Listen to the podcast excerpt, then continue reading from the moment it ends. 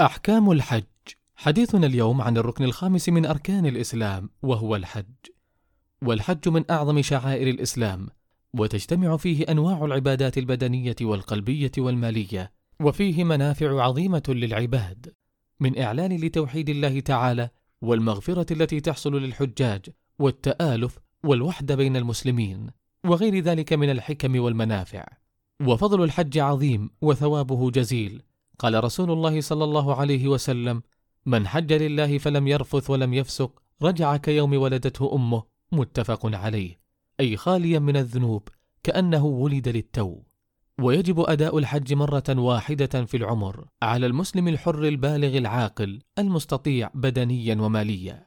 قال الله تعالى ولله على الناس حج البيت من استطاع إليه سبيلا ومن كفر فإن الله غني عن العالمين.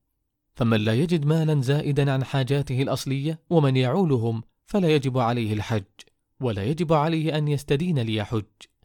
ومن كان يستطيع الحج بماله دون بدنه كالكبير في السن أو المريض مرضا مزمنا فإنه ينيب من يحج عنه ويتكفل هو بنفقات الحج.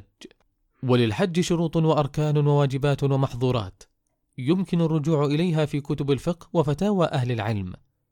وتجب العمرة في العمر مرة واحدة كالحج.